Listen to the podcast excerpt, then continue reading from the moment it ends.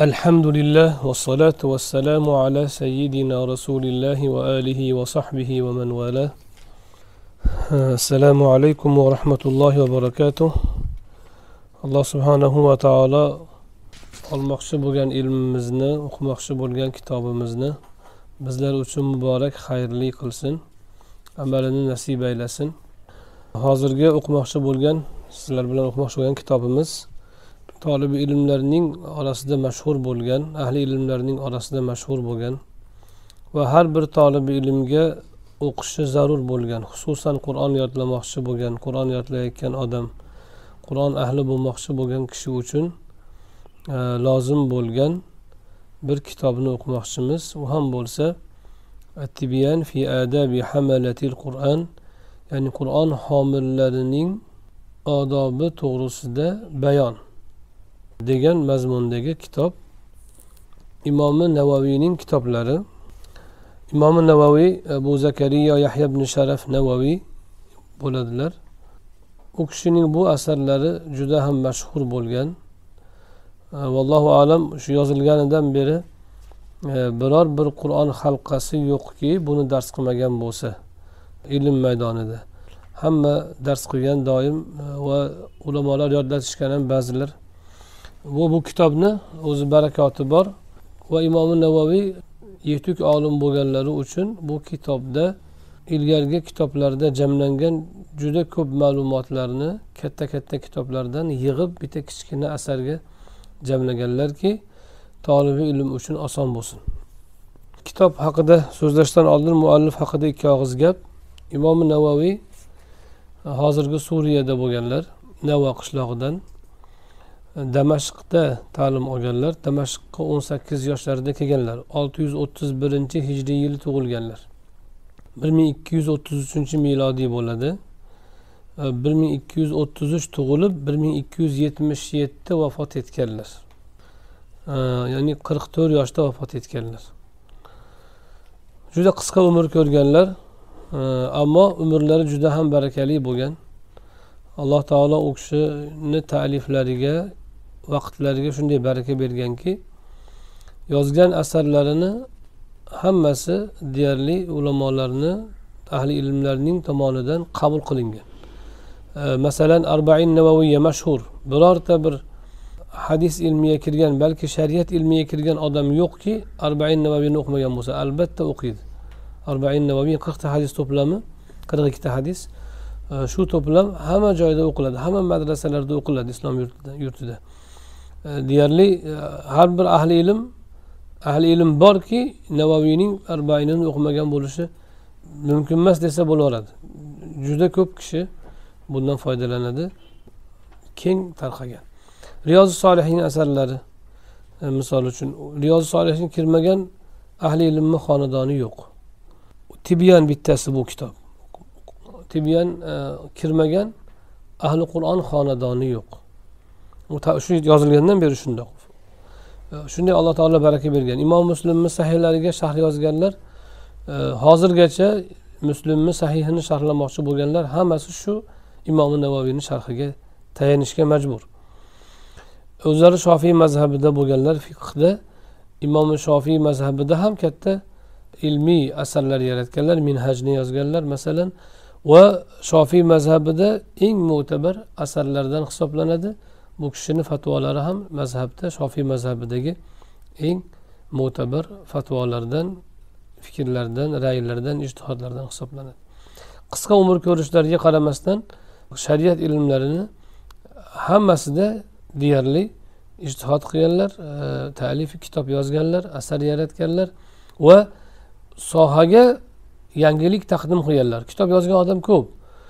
Ko'pchilik yozadi kitobni ba'zan badan jamlaydiyu o'zidan bir e, aniq bir tahqiq bir aniq bir e, manhaj yoki bir yangilikni ilmga qo'shadigan odam kam bo'ladi. Jamlash ko'pchilik jamlaydi. Jamlash ham o'zi katta gap. Lekin jamlashni asnosida o'sha masalan bir turli fikrlarni orasidan bittasini tanlab berish va to'g'risini noto'g'risidan ajratib berish va boshqa ilmiy ahamiyat kasb qiladigan ilmiy bir tadqiqotlarni qilish hammaga ham nasib bo'lmaydi. Juda kamchilikda bo'ladi. Imom navoiyda shu xususiyat bo'lgan. Shuning uchun masalan imom navoiyni ilm tarixidan olib qo'ysa ya'ni kitoblarini masalan olib qo'yiladigan bo'lsa ilm tarixiga ta'sir qiladi. Ya'ni ba'zi asarlar yo'qolgan bo'ladi ba'zi e, fanlarda nimadir kishi yo'qotgan bo'ladi. E, imom navoiy shunday o'rin tutgan. Ya'ni ba'zi olimlar bo'ladi olib qo'ysangiz islom tarixidan yoki ilm tarixidan ilmga ta'sir qilmaydi. Boshqa asarlar o'rnini qoplab ketaveradi. Ammo imom navoiyni olib qo'ysangiz agar tarixdan u kishini o'chiradigan bo'lsangiz yoki kitoblarini ilm doirasidan chiqaradigan bo'lsa ilm e, maydonida sezilarli bir kamtiklik ko'rinadi. Ana shunday o'rin qoldirganlar. O'zlari imom navoiy uylanmasdan o'tganlar. Uylanmasdan o'tganlar zohid bo'lganlar hayoti dunyo ne'matini umuman e'tiborga olmaganlar. Otalari bor paytida vafot etganlar. Otalari keksa bo'lgan yetmish yoshlarga borgan odam bo'lgan bu kishi qirq to'rt yoshda vafot etganlar. O'tayam taqvoli zohid kishi bo'lganlar. Aytiladiki e, damashqda e, vaqf bog'lari bo'lgan. Ilgaridan odamlar vaqf qiladi. Masalan mana bu bog' talabalarga mana bu bog' masalan bemorlarga tushgan foydasi. Mana bu bog'ni tushgan foydasi yetimlarga mana bu qorilarga ana bu e, shariat ilmlariga mana bu fiqhga deb turli maqsadlarda vaqflar bo'lgan. Ba'zilari hatto hayvonlarga vaqf qilingan e, homiladorlarga alohida vaqflar bo'lgan e, bemorlarga alohida vaqflar bo'lgan o'sha shunaqa vaqf bog'lari bo'lgan. Vaqt o'tib shu vaqf qilgan odamlarni o'zi vafot etib uni tasarrufi shu solih odamlar qolmagandan keyin o'sha vaqf bog'larini yoki vaqf yerlarini ba'zilar o'zlashtirib yuborgan o'zimizda ham shundoq bo'lgan. Ba'zilar o'zlashtirgan o'zlashtirib masalan bir kishi vaqfga o'sha bog'ga yoki bir yerga ekinzorga vaqfga mutasaddi bo'ladi. U o'zi egasi emas. Faqat undan tushgan narsani to'plab aytilgan vaqf qilingan tomonga yo'naltirilishi kerak yo'naltirish kerak. Lekin u nima qiladi? Sotib yuboradi o'zini mulki qilib. Chunki egasi o'tib ketgan. Ana shunday o'zlashtirishlar bo'lgan. Imom navoiy shuni eshitganlaridan keyin o'zi damashqda yashaydi. Damashqni mevasini yemagan ekanlar vafot etguncha. Birorta bozordan damashqda yetishtirilgan birorta mevani yemagan ekan. O'zi o'ylaysiz bir shaharda yashasangiz o'sha shaharda albatta hamma vaqflar o'zlashtirilgan emas bitta ikkita uchta bo'lgandir. Lekin bilmaymizki bozordagi mana bu olma balki o'shandandir. Balki undan emasdir lekin balki o'shandandir. Ana shu e'tibordan imom navaviy damashqda umuman meva yemay qo'ygan ekanlar damashq mevasini. Vafot etgunlaricha yemaganlar. Ana shunday taqvoli kishi bo'lganlar. Karomatlari ham zohir bo'lgan. Talabi ilmda juda qattiq ishtihod qilganlar. Ilmda bir kunda o'n ikkita fandan dars olarkanlar damashqqa kelganlarida o'zi asli o'zini qishlog'ida otasidan savod chiqarib o'zini qishlog'ida bir, bir muncha ilm olib keyin damashqqa kelganlar. Damashqqa o'n sakkiz yoshda kelgan bo'lsalar o'sha vaqtda damashq e, ilm o'chog'laridan biri bo'lgan katta olimlar bo'lgan. Ularni huzuriga borib ilm olganlar juda qattiq ishtihod bilan qattiq tirishish bilan olganlar. Aytadilarki bir kunda o'n ikkita fanga borar edim deydilar. O'n ikkita kitobdan dars olib kelib kechqurun muzokara qilar ekanlar e, muzokara qilganda shunday bir alloh taolo u kishiga bir ilhom berganki masalan bir hadisni o'qiydi ustozdan. Ustoz sharhlaydi shuni sharhlarni ustozni fikrlarini yozib oladi. Kelib ustoz fikrlarini tartibga keltirib yana boshqa asarlardan o'zi bilgancha o'sha hadisga doir ma'lumotlarni to'plab dars qilsa uyda o'zi. Shuni oqqa ko'chirsa kitob bo'lib qolaverganda shuni odamlar o'qib foyda olishgan. Ya'ni muzokarasini bu bizga bir tolib ilmlarga shunday bir tanbeh bo'ladiki muzokara qilayotganimizda uyda ya'ni darsni tayyorlab uy vazifasini qilayotgan paytimizda shunday vazifa qilishimiz kerak ekanki mabodo o'sha uy vazifasini qilgan daftarimiz qolib ketsa bizdan keyin yoki birovni qo'liga tushsa kitob sifatida foydalanadigan darajada bo'lishi kerak. Ekan ana shunday bo'lganlar u kishi. Yozgan o'sha muzokaralari o'zlarini darslarini oqqa ko'chirsa kitob bo'lgan odamlar foydalangan shundan kitob sifatida ilm sifatida. Shunday alloh taolo baraka bergan. Kechalari kechasi tahajjud o'qirkanlar doim tahajjudni qisqa o'qirkanlar tolibi ilm bo'lganlari uchun va ilmga ko'proq o'zlarini bag'ishlaganlari uchun tahajjudni sakkiz rakatmi yoki shu atrofda ozroq o'qib turib zikr ozroq qilib turib asosiy vaqtlarini tunda ham kitob yozishga mutolaaga va e, ta'lifga ajratadiganlar. Kunduzi ham xuddi shunday biror daqiqasini ilmdan xoli qo'ymasdan o'tkazar ekanlar ilmga vaqtini qizg'onganidan bir kunda bir mahal ovqat yeyishga tushirganlar ovqatlanishini bir mahalga tushirgan. Bir kunda bir mahal ovqat yerkanlar o'ta qisqa muddatda va bir mahal suv icharkanlar. Ilmga vaqtni qizg'anganidan endi biz ertalab bir soat yarim soat choy ichadigan bo'lsak tushlikda gaplashib o'tirib ovqat yeydigan bo'lsak kechqurun e, ovqat yeb olib yana bir xotirjam suhbatlashadigan bo'lsak albatta bu kishilarni natijasini o'zimizdan kutishimiz noto'g'ri bo'ladi. Mana shunday mehnat bilan vaqtlarini tejash bilan va zuhud va taqvo bilan ilm olganlar. Shu yerda bitta nuqtani aytib qo'ymoqchimanki e, imom navaviyni zohid deb aytdik.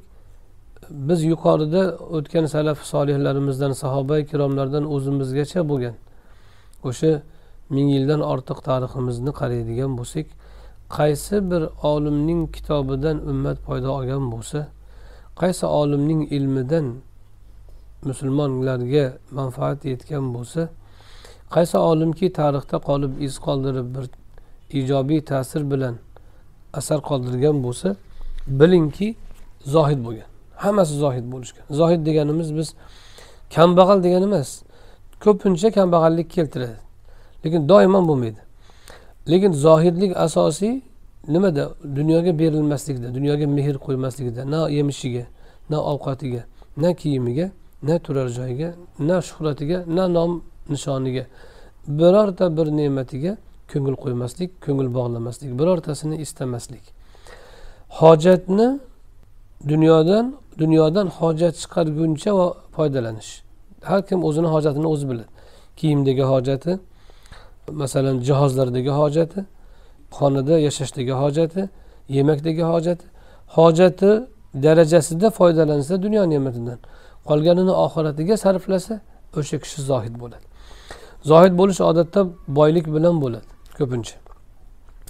Ammo boy, boylik deganimiz ya'ni e, qaysi ma'noda ya'ni ko'p pul topishi mumkin zohid odam ko'p pul topishi mumkin. Ammo maishatparast bo'lmaydi. Ana shu yerda ko'rinadi. O'shaning uchun u ko'rinishida sizga boy ko'rinmaydi. Zohid odam ko'pincha kambag'allik keladi ortidan ya'ni kambag'al bo'lib ko'rinadi. Qaysi ma'noda? Ya'ni u odam E, boylik to'plamaydi. Asosiy ma'nosi shu boylik to'plamaydi.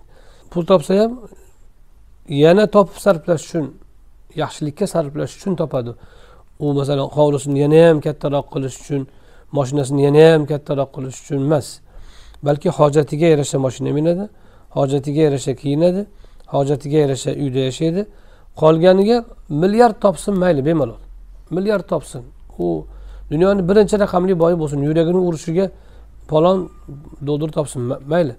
Lekin uni sarfi o'ziga emas balki musulmonlarning foydasiga jamiyatning manfaatiga insoniyatning saodatiga sarflanadi. U kishining oxiratiga zaxira bo'ladi. Mana shu zuhud bo'ladi. Yuqorida o'tgan salaflarimizni hammasini o'rgansak hammalari zohid bo'lgan. Va hammalari ilmga muhabbatli bo'lishgan. Va hammalari vaqtga o'ta ham baxil bo'lishgan. Molga saxiy vaqtga baxil bo'lishgan. Mana shu xususiyatlar bizda bo'lmasa biz tolib ilm bo'lolmaymiz ahli ilm bo'lolmaymiz alloh taolo oxirat ilmini dunyo muhabbatidan kechgan odamga beradi. Oxirat ne'matini dunyo muhabbati bilan qo'shib berishi mumkin. Doim aytamiz bu gapni. Ya'ni kishiga dunyo dunyoni ham yaxshi ko'radi dunyoni ham ne'matlarini olishni xohlaydi. Oxiratni ham ne'matini olishni xohlaydi. Ikkalasiga ham mehri bor. Mumkin beradi. Lekin e, oxirat ilmini qalbida dunyo muhabbati qolmagan odamga beradi. Qalbida zarracha dunyo muhabbati qolsa dunyo deganda faqat pul emas. Aytganimizdek shon shuhrati ham dunyo nom nishoni ham dunyo yaxshi nom chiqarish ham dunyo. Yoinki bir kishilarni o'ziga qaratadigan bir shuhrat qozonish ham dunyo. Dunyodan dunyo ne'matlaridan olinadigan nasiba borki hammasi dunyo deyiladi. Orasiga pul ham kiradi boshqa ham kiradi hammasi kiradi. Ana shu ne'matlarga qalbni bog'lanib qolmasligi oxirat ilmi uchun shart qilinadi. Oxirat ilmini alloh taolo qalbida dunyodan nasiba bo'lmagan odamga beradi odatda. Allohni sunnati shu payg'ambarlardan kelgan sunnat shu. Hatto sulaymon alayhissalom ham shunday bo'lganlar boy bo'lgan dunyoni boshqargan lekin zohid bo'lganlar. Modomiki payg'ambarlarda shu ekan demak alloh taoloning sunnati shu shuning uchun hamma ulamolarimizni manfaat bergan ilmlardan ummat manfaat topgan ulamolarimizni qarasak hammasi zohid bo'lgan. Dunyoparast olimdan e, ilm tarqagan hidoyat tarqaganini birov ko'rgan emas imom navoiy ham ana shunday zohid bo'lganlar. Vaqtni o'ta qattiq tejaganlar. Alloh u kishini rahmat aylasin ilmlaridan bizlarga ham manfaat bersin taqvolaridan bizga ham nasib aylasin. Imom navoiy yuqorida aytganimizdek bir ming ikki yuz yetmish yettinchi milodiy sanada vafot etganlar. Uylanmasdan dunyodan o'tganlar. Shuning uchun abu g'udda rahmatullohi alayhi u kishini bo'ydoq ulamolar e, kitobida zikr qilgan. E, kitobni o'ziga keladigan bo'lsak at tibyan fi adabi hamalatil qur'an deb nomlaganlar. Tibyan degani bayon degani biz tilimizda bayon qilish ochiqlash degan ma'noni bildiradi. Qur'on homillari odobi to'g'risida borasida. Qur'oni karim qur'on nima? Qur'oni karim alloh subhanahu va taoloning muhammad sollallohu alayhi vasallamga yuborgan kalomidir. Oxirgi shariatning qo'llanmasidir. Muhammad sollallohu alayhi vasallamga jabroil alayhissalom tomonidan vahiy qilingan tilovati ibodat bo'lgan va matni mo'jiza bo'lgan kalomdir. Qur'oni karim arab tilida nozil bo'lgan. Hammamiz bilamiz. Lekin tarifi shu. Muhammad sollallohu alayhi vasallamga jabroil alayhissalom orqali tushgan. Chunki jabroil alayhissalom siz qur'on tushmaydi. Masalan rasulullohga vahiy bo'lishi mumkin allohdan to'g'ridan to'g'ri bo'lishi mumkin. Merojda gaplashganlaridek tushlarida bo'lishi mumkin qalblarga ilhom bo'lishi mumkin. Qur'on bularni birortasida topilmaydi. Qur'on faqat jabroil alayhissalom orqali o'qib eshittirilgan muhammad sollallohu alayhi vasallamga sunnatni ham jabroil alayhissalom vahiy qilganlar. Ammo qur'oni karim xosatan jabroil alayhissalom bilan bog'liq.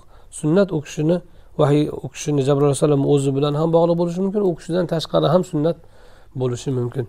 Allohni ilhomi bilan rasuli akram alayhissalotu vassalomga yoki to'g'ridan to'g'ri E, amri va vahiysi bilan merojda bo'lganidek. Demak e, qur'oni karim jabroil alayhissalom bilan tushgani e, muqarrar va shu kishi orqaligina tushadi. Tushda yoinki boshqa suratda kelmaydi. Shu bilan birga tilovati ibodat. Demak hadisi qudsiy va boshqa hadislarni o'qishni o'zi harfiga ibodat bo'lmaydi. Talabi ilm sifatida ibodat bo'ladi. Ammo e, har bir harfiga tilovat uchun savob olinadigan yagona nusus matn qur'oni karim bo'ladi. E, shuningdek e, tilovati ibodat va ibodatda o'qiladi namozda ya'ni. Namozda qur'ondan boshqa narsa qiyomda tilovat o'rnida o'qilishi namozni buzadi. Bu ham qur'oni karimni xususiyatlaridan. O'sha qiyomda qur'ondan boshqa narsa o'qish mumkin emas. Ya'ni tilovat o'rnida. E, shu bilan birga matni mo'jiz deyiladi ya'ni matni degani qanchasi? Bitta so'zimi? Masalan qul huvalloh desa qul degani ham mo'jizami yo'q unaqa emas. Jumla butun bo'lsa keyin mo'jiza bo'ladi. Yoki butun oyat bo'lsa mo'jiza deyiladi. Butun oyati mo'jiza yoki butun jumlasi mo'jiza. Mo'jizaligi nimada? So'zlarni g'ayri oddiyligida emas so'zlar insonlarni so'zi. Tartibida mo'jizasi. O'sha tartibni hech kim berolgan emas hozirgacha. Qur'oni karimni tartibidaqa tartib berilgan emas so'zlarga. So'zlar insonlar ishlatayotgan so'z. Harflar insonlar nutq qilayotgan harf. Ammo tartibi alloh taolodan bo'lgani mo'jizasi shu yerda. Xuddi shu shunga o'xshagan mo'jizaviy tartibda hech kim shu damgacha birorta bir asar yarata olgan emas qancha urinib ham qur'oni karim ana shu jihatdan ojiz qoldiruvchi bo'lgan. Balog'ati bilan matni bilan.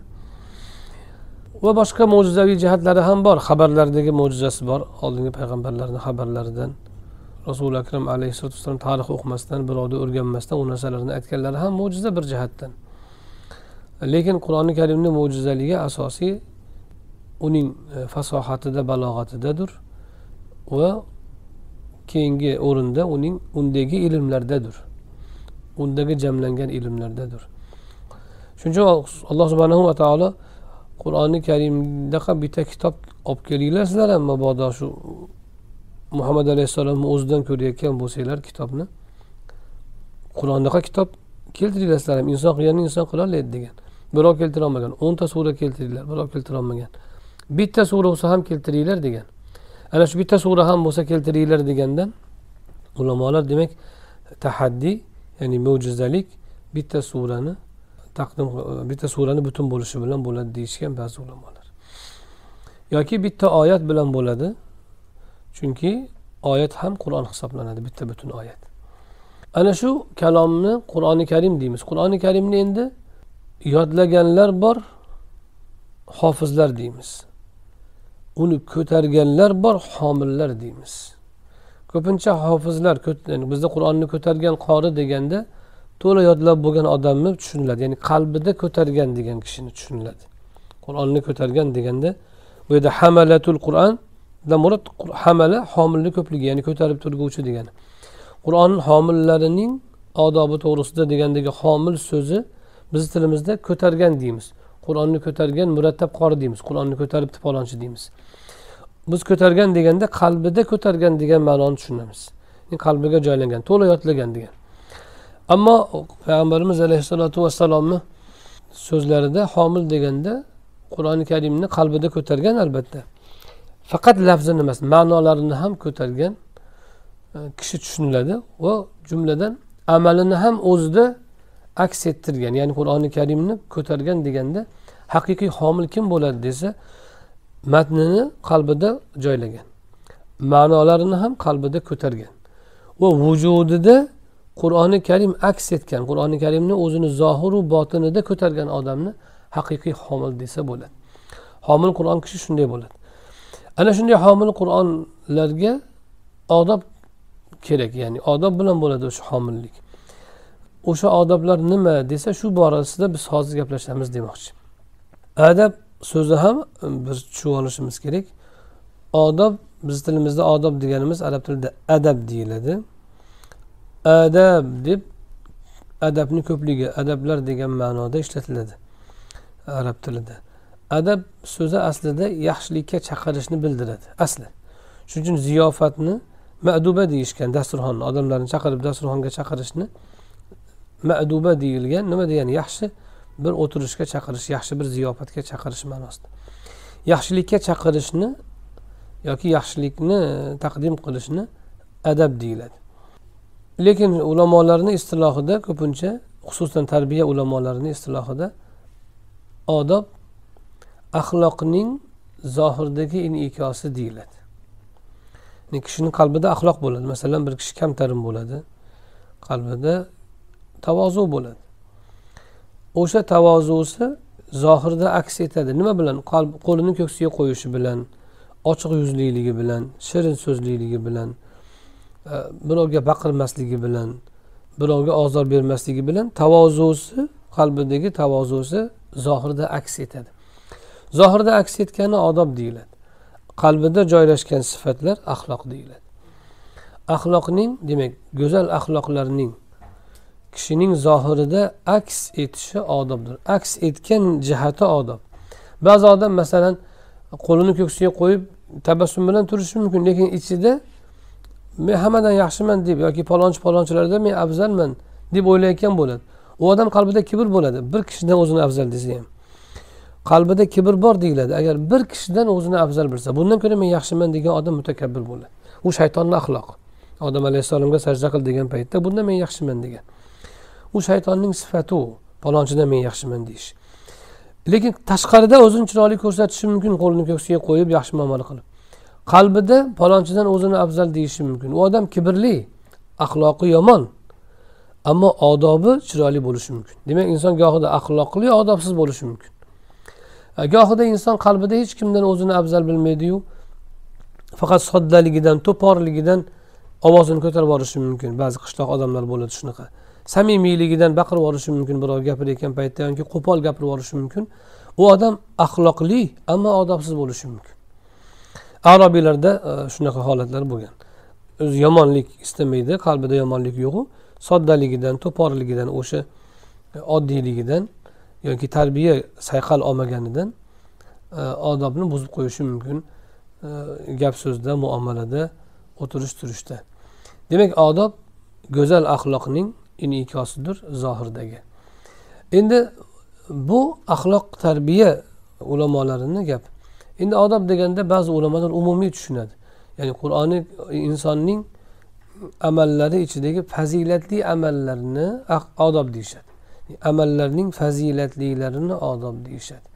Fiqda sunnat mustahab yoki mustahabdan ham yengil bo'lgan payg'ambarimiz alayhissalotu vassalomni onda sonda bir marta yarim marta qilgan amallari bo'lsa o'shani odob deydi fiqda demak istilohlar turli fanlarda turlicha ta'rif oladi. Endi bu kishi bu yerda odob qur'on homillarining odoblari deganda qur'on homillariga kerak bo'lgan lozim bo'lgan sifatlarni fazilatlarni nazarda tutganlar. Demak qur'on homillariga lozim bo'lgan fazilatlar go'zal axloq va odoblar to'g'risida bayon deb nomlaganlar e, bildirgi deb nomlaganlar kitobni. Imom navoiyni abu zakariyo deyiladi biz yuqorida aytdik uylanmaganlar deb. Zakariyo degan o'g'li bo'lgan bo'lmagan bo'lsa qayerdan olgan abu zakariyo degan kunyani degan savol bo'ladi. U kishini ismlari yahyo bo'lgan. Yahyo alayhissalom kimni o'g'li bo'lgan? Zakariya alayhissalom o'g'li shuning uchun ulamolarda arablarda umuman kimki ismi yahyo bo'lsa abu zakariyo deb kunya berish odati bo'lgan. Yahyo alayhissalomni otalariga o'xshatish bilan tashrifan e, yoyinki bir yaxshi umid bilan. O'shuning uchun bu kishi abu zakariyo deb kunya olganlari nimadan? Ismlari yahyo bo'lganidan zakariyo degan bolasi bo'lganidan emas chunki uylanmaganlar endi kitobga kirishadilar. Bismillahi rohmanir rohim har bir salmoqli o'rinli ish borki uni bismillah bilan boshlash sunnatdir. Bismillahsiz boshlansa u barakasiz bo'ladi. Hadis sharifda fahuva ajdam bir rivoyat. Bir rivoyatda fahuva abtar yana bir rivoyatda fahuva aqto deb aytilgan. Bular bu so'zlar hammasi bitta ma'noni noqis degan ma'noni bildiradi. Ajzam odatda mahovli mahov kasalidan barmoqlari to'kilib ketgan odamni aytadi. Ya'ni barmoqlari to'kilib ketgan degani ya'ni noqis degani u ham. Aqto qulog'i kesilganda aytadi. Ajda deb qulog'i kesilganda aytadi. Aqto deb qo'l oyog'i kesilganini aytadi. Abtar deb dumi kesilganini aytadi. Shu so'zlar ishlatilgan. Mazmuni hammasi bitta noqis bo'ladi kamtik bo'ladi degan. Noqislik kamtikligi nimada masalan o'sha siz yasamoqchi bo'lgan non bebismillo yasalsa butun yumaloq bo'lishi mumkin. Siz yozgan kitob yuz bet kitob yozmoqchi bo'lsangiz bebismillo yozsangiz ham yuz bet bo'lishi mumkin. Hamma mana mukammal yozdim man hamma boblarini keltirdim. Deyishingiz mumkin ko'rinishi shunaqa bo'ladi yoki bir tufli yasamoqchi bo'lsangiz bebismillo yasasangiz tufli butun bo'lishi mumkin bir tomoni yirtilib ketadi. Yoki e, chaki butmay qoladi degani emas u. U orqasi kesik bo'ladi degani barakasi bo'lmaydi. Ya'ni xayri ko'p bo'lmaydi. Baraka nima degani? Baraka qo'shimcha xayr degani. Narsadagi qo'shimcha yaxshilikni baraka deyiladi. Har bir narsada yaxshilik sifat bo'ladi. O'sha yaxshilik manfaatini qo'shimchasi bo'lsa ya'ni mo'l yaxshilikni baraka deyiladi. Mo'l yaxshilik baraka deyiladi. O'sha mo'l yaxshilik bo'lmaydi. Orqasi kesik degani shu masalan botinka butun bo'lishi mumkin lekin kishi botinkadan tuflidan oladigan manfaati e, butun bo'lmaydi. E, deylik masalan e, kasallik keltirishi mumkin yoki tez urinishi mumkin yoki yo'qolib qolishi mumkin va hokazo. Kitob ham. Kitob yuz bet degansiz yuz bet bo'lishi mumkin lekin o'sha yuz betdan olinadigan foyda chiqadimi? Vaqti kelsa yuz betdan o'n betlik foyda chiqmasligi mumkin kishilarni hidoyati uchun. Yuz bet kitob yozgansiz. Ammo boshqa odam o'n bet narsa yozgan uni o'n betida baraka bo'ladi. Yuzlab odam hidoyat topadi. Ammo siz yuz bet yozasiz odamlarni hidoyatiga sabab bo'lmaydi. Yoki bir to'g'ri yo'lni topishiga qaysi bir sohada bo'lsa ham.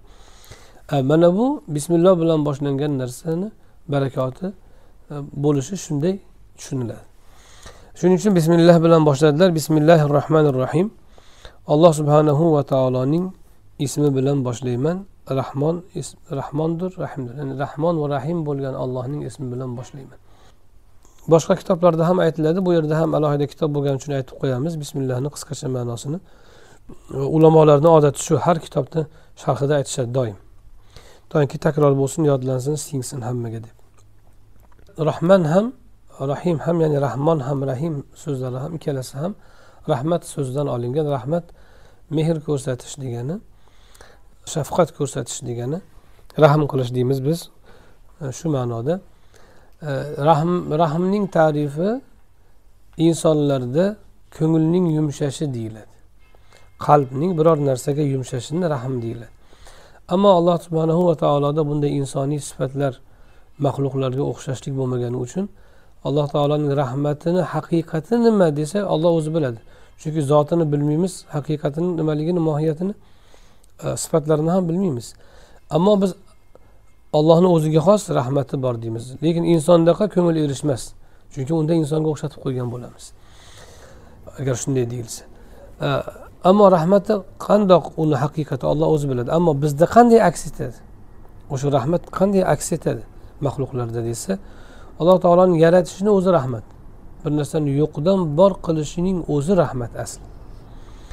Va unda masalan sizni insonni olloh bor qilgan bo'lsa o'sha bor qilganligini o'zi rahmat asli. Va unga bergan ne'matlarini har biri rahmatdan bo'ladi. Xato qilganimizda kechirishi rahmatdan koinotni bizga yaratib bergani rahmatdan koinotni bizga bo'ysundirib bergani rahmatdan to'g'ri yo'l topishimiz uchun payg'ambar yuborgani rahmatdan qur'on tushirgani rahmatdan e, duo qilsak ijobat qilgani rahmatdan o'ta ham ko'p. Uni sanab sanog'iga yetib bo'lmaydi rahmatning namunalari yoki akslarini aytib adog'iga yetib bo'lmaydi. Va mana shu biz dunyoda ko'rib turgan rahmatlar onaning farzandiga bo'lgan shafqati ham o'sha rahmatdan ulush o'sha rahmatdan kelib chiqadi. Hayvonning o'zining bolasiga bo'lgan e, mehri ham rahmatdan o'sha rahmatdan bo'ladi. Dunyodagi hamma yaxshiliklar o'sha rahmatdan. Holbuki alloh taolo deganlar rasuli akram alayhissalatu vassalom rahmatini yuzga bo'lib birini dunyoda tarqatdi to'qson to'qqizini qiyomatga olib qoldi. Biriga qo'shib yuz rahmati bilan bandalariga qiyomatda rahm qiladi deganlar. O'shaning uchun qiyomat e, dahshatli bo'ladi ammo allohni rahmati bilan qurshalgan bo'ladi. Hatto do'zax ham allohni rahmatidan tashqari bo'lmaydi. Va rahmati vasiat kulli shay meni rahmatim barcha narsani qamrab olgandir deb alloh taolo shuning uchun qur'oni karimda shunday bayon qilgan. O'sha rahmatni alloh taolo eslatyaptiki banda bir ishni boshlamoqchi bo'lsa ollohni nomi bilan boshlashsin.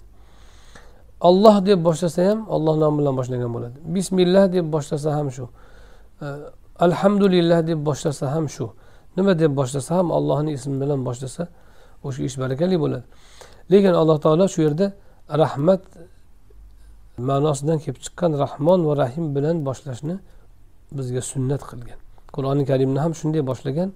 Va payg'ambarimiz alayhissalom ham shunday o'rgatganlar bizga. Bu nimani bildiradi? Alloh taoloning rahmati g'olibligini bildiradi.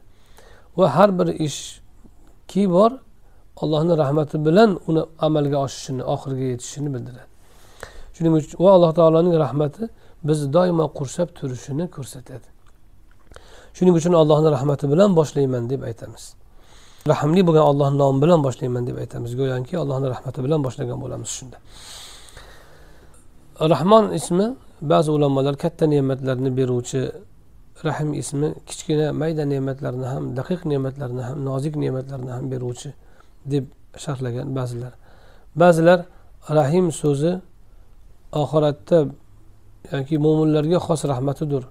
Rahmon ismi kofiru mo'minga e, hammasini o'z ichiga oladigan rahmat rahmatidandir deb aytadi ba'zilar.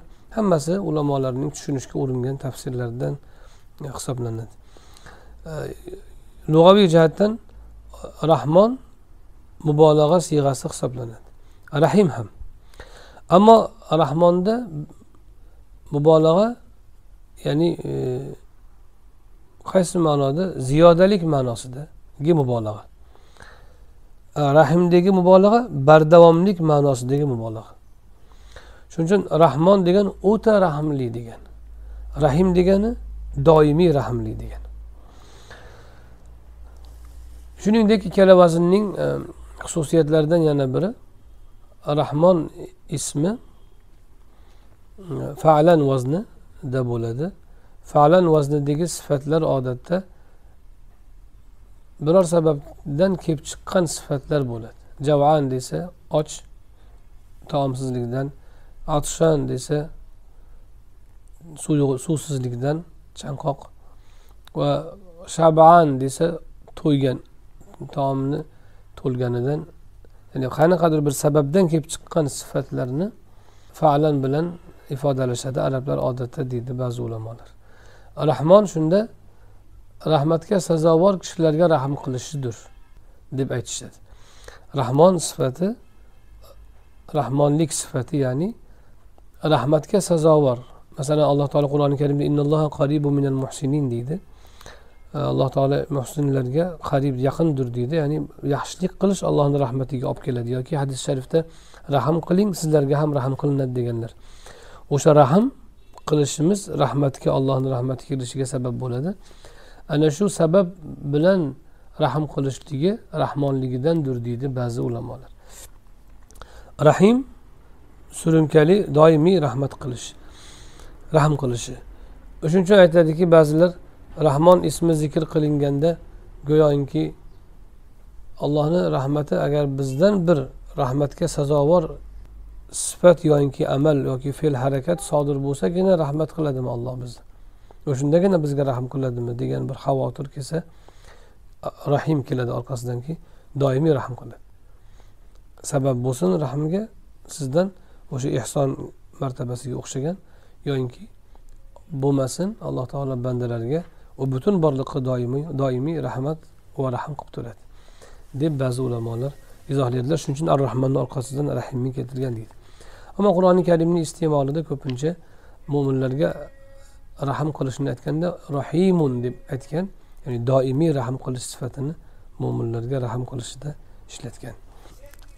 Demak mehribon va rahmli deb qo'yadi bizda ko'pchilik tarjimada. Biz aytishimiz mumkinki mehribon deyishimiz ham mumkin yoki o'ta rahmli deyishimiz mumkin. Rahimni doimiy rahm qilguvchi doimiy shafqat ko'rsatuvchi alloh subhanahu va taoloning ismi bilan boshlayman. Alloh subhanahu va taoloning olloh ismi allohning o'zigagina qo'yilgan atoqli ot bo'ladi. Allohdan boshqaga ishlatilmaydi.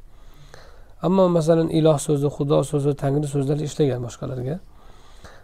Karim halim azim ismlari ham ishlagan. Bular mumkin. Halim halim karimlarni ishlatish sifatlarini ishlatish mumkin. Allohdan boshqaga ham. Chunki alloh taolo o'zi payg'ambarimizga ishlatgan raufun rahim deb. Lekin alloh ismi alloh subhanahu va taoloning o'ziga xosdir. Ba'zi ulamolar haq ma'bud yagona haq ma'bud ibodatga sazovor iloh deb ham tushungan ma'nolarini. Lekin har qanday ma'no bergan taqdiringizda ham u alam ya'ni atoqli otdir alloh taoloning o'ziga xosdir. Koinotni yaratgan qur'onni nozil qilgan muhammad alayhissalomni yuborgan alloh subhanahu va taoloning yaratguvchining ismi alloh allohdir. Alloh ismi eng buyuk ism. Qalbda zikr zikr qilinishi mumkin bo'lgan qalb bilan qilinishi mumkin bo'lgan ikkita zikr bor. Bittasi la ilaha illalloh ikkinchisi alloh ismi jaloli hisoblanadi. Ba'zilar lafzi jalola deb yuritadi. Ulamolar odob yuzasidan ismi jalola deyishni afzal deyishadi. Lafzi jalola desa ham joiz hech qanaqa karohiyati yo'q. Lekin lafz deganda odatda arablar lafz deb so'zga lafz deb nomni qo'yishlariga sabab lafz lafizo yalfizu deb bir narsani og'izdan otishni aytadi. Tuf deb otishni yoki nimadir chiqarishni aytadi. Og'izdan chiqarish og'izdan otish ma'nosi bor yoki mutlaq otish ma'nosi bor ikkinchi fikrga ko'ra. Uloqtirish otish ma'nosi bo'lgani uchun so'z insonni og'zidan otilib chiqqani uchun so'zga lafz deb nom berishgan. Lafzi jaloli olloh lafzi desa endi bu o'zbek tilida ketmaydi bu arab tilida ketadi bu. O'zbek tilida lafz deyaverasiz. Arab tilida ishlatayotgan paytida. Lafz so'zida otish ma'nosi uloqtirish ma'nosi bo'lgani uchun allohni ismi yoki e, jalola ismi jalola degan paytda shu lafzi jalola demagan afzal ismi jaloli desa yaxshiroq deydi. Ba'zi ulamolar odobdan lekin lafzi jaloli ham keladi. Karohiyat yo'q odobni yana ham mukammal keltirish uchun shunday deyishadi. Hmm, bismillahi rohmanir rohim deb boshladilar allohni ismi bilan. Va qur'oni karimdan oyat bilan boshlangan bu kitobni boshi أعوذ بالله من الشيطان الرجيم ثم أورثنا الكتاب الذين اصطفينا من عبادنا bu oyati karimada alloh taolo fotir surasida aytadiki keyin biz deydi yuqorida boshqa so'zlarni gapirib kelib kitobni o'zimiz bandalarimiz orasidan o'zimiz tanlab olganlarga meros qilib qoldirdik deydi kitobga o'zimiz tanlaganlarni bandalarimiz orasidan merosxo'r qildik degan meros odatda kishi harakat qilib kasb qilmaydigan molni aytiladi. Mulkni. Mulk inson harakat qilib kasb qiladi odatda. Bir narsani sotib olasiz bir narsani. Misol uchun bir tortib olasiz misol uchun kuch bilan. Inson kasb qiladi ixtiyor bilan ega bo'ladi. Hadyani ham ixtiyor bilan qabul qilasiz. Birov masalan sizga hadya bersa olmayman desangiz u hadya bo'lmaydi lekin meros ixtiyorsiz va iktisabsiz hosil bo'ladi. Bir kishi vafot etsa mol mulki o'z o'zidan farzandlariga yoki merosxo'rlarga o'tib qoladi. Avtomat. Ular ixtiyor qilsin qilmasin. Xohlasin xohlamasin. Shariat hukmi shundoq. Meros to'g'ridan to'g'ri o'tadi. Ixtiyorsiz. Va iktisobsiz ya'ni kishi harakat qilib kasb qilmaydi uni. Qur'oni karimni bandalarga berilishini ham alloh taolo shu meros so'zi bilan ifoda qilgan. Masalan ahli kitoblarni zikr qilgan paytda allazina utul kitob yoki ataynahumul kitob deb aytgan. Ularga kitob berdik kitob berilganlar deb aytgan. Berish so'zi bilan ishlatgan. Ammo qur'oni karimni bu ummatga e, berganini zikr qilgan paytda meros so'zi bilan ifoda qilgan. Bu o'ziga xos bir ma'no beradiki birinchidan bu alloh taoloni ne'mati ekanini ko'rsatadi o'zini lutfi fazli ekanini ko'rsatadi. Biz kasb qilib olgan emasmiz. Ya'ni biz agar olloh bermasa qur'onga ega bo'lolmasdik umuman ummat. Insoniyat umuman. Ya'ni ular uni o'zlari ixtiyori bilan kasb qilib olmaganlar. Balki alloh taolo ularga ato qilib bergan. Qabul qilishda ixtiyorlari bor to'g'ri. Lekin atoni o'zi ularni kasbi bilan mehnati bilan emas balki alloh taoloni tomonidan ato qilingan. Ikkinchidan shularni o'zida qoladi qiyomatgacha. Shuning uchun meros so'zi bilan ishlatilgan. Ya'ni shu ummatni o'zida qoladi. Avloddan avlodga ko'chganda ham o'sha bitta ummatda ko'chadi meros. Alloh taolo shu meros so'zi bilan ishlatib qur'oni karimni o'zimiz tanlab olgan kishilarga meros qilib qoldirdik meros qilib berdik. Ya'ni o'zimiz tanlab olgan kishilarni bu kitobga merosxo'r qildik deydi. Keyin ularni tavsiflarini aytgan oyat karimani davomida e, bu yerda shu jumlani o'zini keltiradi. So'ngra biz kitobga bandalarimiz ichidan o'zimiz tanlab olganlarni merosxo'r qildik deydi. E, bu oyatni keltirishdan murod e, muallifning qur'on homillari haqidagi oyatni keltirish qur'on homillari odobi haqidamidi kitob shuning uchun qur'on homillariga taalluqli oyatni keltirib kitobni boshlaydilar lekin bu muallifni so'zidan bo'lmasligi mumkin keyingi nosihlarni so'zidan e, qo'shgandan bo'lsa kerakki kitobni rivoyati undan keyin keladi قال الشيخ الفقيه الإمام العالم الورع الزاهد الضابط المتقن أبو زكريا يحيى محي الدين ابن شرف ابن حزام النووي رحمه الله تعالى kitobni boshida shunday boshlanyapti faqih ya'ni fiqda olim bo'lgan imom ya'ni kishilar ergashadigan imom deb kim aytadi bir sohada o'sha soha egalari ergashadigan darajada yetakchilikka chiqqan odamni aytadi imom deb bir sohada u nahvda bo'lsin fiqda bo'lsin hadisda bo'lsin qachon imom bo'ladi Olim bo'lishni o'zi yetmaydi. Olim bo'lish o'sha fanni bilish bo'ladi. Lekin o'sha fan egalari o'ziga imom qilib o'sha fan egalari ergashadigan darajada.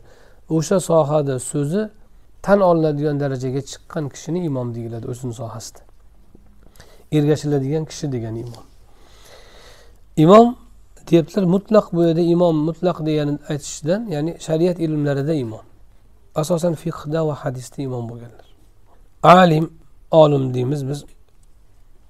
Bu yerda olim deyishda murod shariat olimi vari parhezkor degani. Ya'ni taqvodorlikni yuqori darajasi. Vara bilan taqvoni ba'zi ulamolar ajratadi. Taqvo oxiratda zarar keltiradigan narsalardan o'zini saqlash. Vara oxiratda foyda bermaydiganlardan o'zini saqlash. Oxiratda zarar beradigan narsalardan gunohlardan katta kichik gunohlardan ayblardan o'zini saqlash bu taqvo. Ammo varachi ulardan saqlashni ustiga o'zini haromdan makruhdan saqlashni ustiga oxiratda foyda bermaydigan narsalar bo'lsa ulardan ham o'zini saqlaydi. Qo'shimchasi bor. Bu qanday tushuniladi? Masalan bir kishi laqillab o'tiribdi. Choy ichib choyni aylantirib. Bozorda dollar qancha bo'libdi ko'ylak qanaqa ekan. Ko'ylagi ham dollari ham yo'q bozorga olib chiqadigan. Kerak emas unga. Shunchaki laqillab o'tiribdi. Yoki falonchi unaqa debdimi pistonchi unaqa debdimi deb o'tiribdi laqillab yoki ko'zini ishlatyapti. Shunchaki tomosha qilib o'tiribdi facebookda. Qani nima bor ekan deb. Shunchaki bekorchilik. Telegramda gruppani ochib o'tiribdi. Gunoh hali gunohga qaragani yo'q. Gunohga qarasa u mumkin emas u albatta haromligi harom qaytish kerak. Taqvoga to'g'ri kelmaydi. Ammo u kishi ko'rayotgan narsa yoki gapirayotgan narsa yoki eshitib o'tiribdi bir narsani. O'sha eshitayotgan narsasi yoki kino ko'ryapti ko'rayotgan kinosi yoki bir e, narsa o'qiyapti o'qiyotgan narsasi. Oxiratiga xizmat qiladimi qilmaydimi? Oxiratiga foyda bermasa uni ham tark qiladi. Shunda varaq bo'ladi. Endi o'sha odam oxiratga ziyon ham bermaydigan shu laqillab o'tirish yoki tomosha qilib o'tirish telefonni ochib olib varaqlab internet. Yoki nimanidir tingratib eshitib o'tirish. Shu odam gunoh qilyaptimi? Gunoh qilmayapti misol uchun. Gunoh eshitmayapti misol uchun. Kino ko'ryapti masalan. Gunoh emas oddiy narsa ko'ryapti. Taqvoga zid emas. Oxiratda zarari bo'lmagani uchun taqvoga zid emas. Ammo oxiratga foydasi bor foydasi yo'q. Varaga zid. Demak vara oxiratga foydasi bo'lmagan narsalardan o'zini tiyish bu taqvoni yuqori darajasi taqvodan yuqori daraja hisoblanadi. Ba'zi ulamolarni ta'rifida shunday. Azzahidu mana biz aytganimizdek kitobda zohid deb aytyapti. Zohid nima degani? Zuhud nima degani? Zuhud o'zi asli zahida fihi desa rag'batsiz bo'ldi degan bo'ladi. Dunyodan zohid bo'ldi degan dunyoga rag'bati yo'q degan. Dunyo ne'matlariga ya'ni. Ibn muborakdan so'raganda abdulloh muborak qisqa qilib ta'rif etganlar. Moling ko'paysa xursand bo'lmasang kamaysa xafa bo'lmasang zohidsan deganlar. Moling ko'paysa xursand bo'lmasang kamaysa xafa bo'lmasang zohidsan deganlar. Chunki dunyoning ne'matining umuman u kishini nazdida qadri bo'lmaydi. Dunyodan faqat oxiratga ishlab olish uchun ne'matlardan foydalanadi.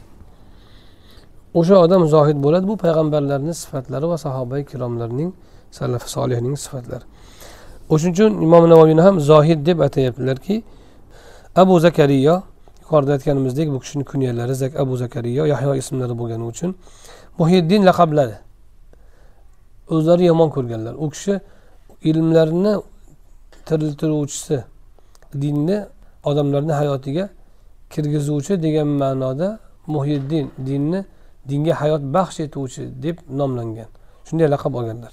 Lekin imom navoiy o'zi yomon ko'rganlar. Borida o'zlarini bor paytlarida bu laqab berishgan. Imom e, navoiyga bu laqabni o'lganlaridan keyin berishgan emas. Bor bor paytlarida hayotlarida berishgan u kishi yomon ko'rganlar va qaytarganlar.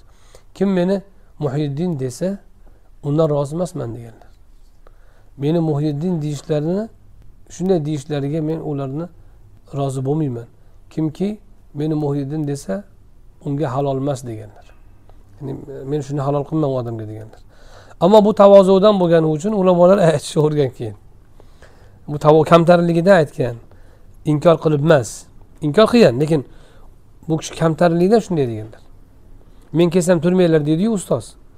Lekin baribir shogird turaveradi odob yuzasidan ona bolasiga qo'y bolam meni uxlamasdan uxlaver deydi ichi olib. Lekin ona uxlagandan keyin yana bola qolaveradi odob yuzasidan qilish mumkin. Payg'ambarimiz alayhisalotu vassalom ba'zan e, sahoba ikromlarga bir narsani buyursalar masalan hazrati aliga o'chirgin muhammad rasululloh degan nomni deganlar hudabiya sulhida o'chirmayman deganlar u kishi.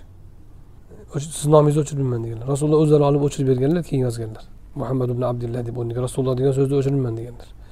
Ana shu ba'zan odob yuzasidan tavozu yuzasidan ulamolar bir gapni aytsa ulamolar boshqalar shunday qabul qiladi. Muhiddin degan so'zni u kishi inkor qildi. Kimki aytsa men unga halol emas deyman dedi. Ammo buni kamtarinlikdan aytdi. U kishi halol harom qiluvchi shariat egasi emasku. Biz e, deyishimiz joiz deb turib yozishgan muhiddin deb. Lekin o'zlari qabul qilmaganlar.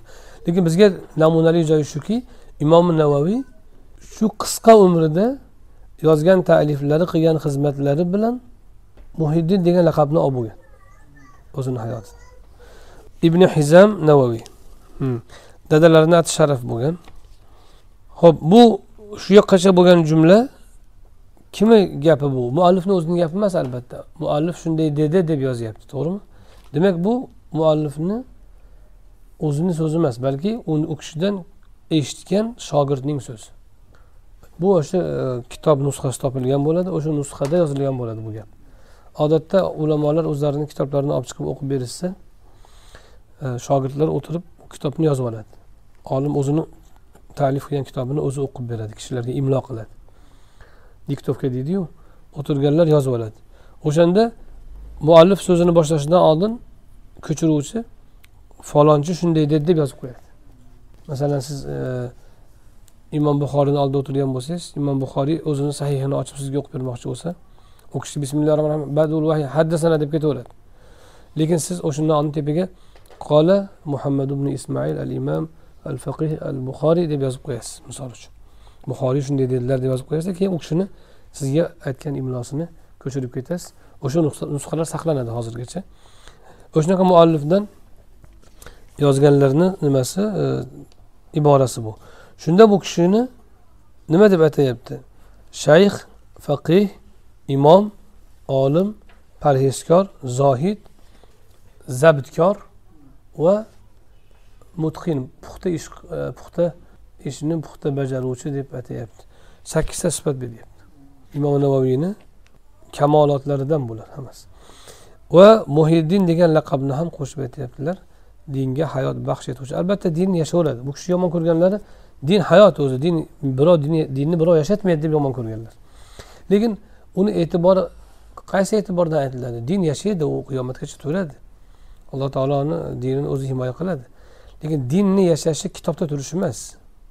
Qur'on o'zgarmaydi kitobda turaveradi. Qur'on qachon yashaydi? Kishilar amal qilganda kishilarni hayotida yashashini iroda qilinadi e, ihyo ulumuddinda yozganda ham imom g'azzoliy din ilmlarini tiriltirish yoki din ilmlariga hayot baxsh etish deb nomlagan. Qaysi ma'noda? U usul fiq bor. Fiqh bor hadis bor qur'on bor ular o'zgarib ketgani yo'q. Ularni qaytadan tiriltirib bitta joyga jamlamoqchi emas u kishi.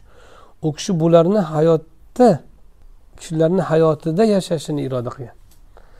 Dinga hayot baxsh etish dinni kitoblarini qaytadan yozish emas balki kishilarni hayotiga dinni kirgizish. Shu dinni tiriltirish bo'ladi. Sunnatni tiriltirish ham shu.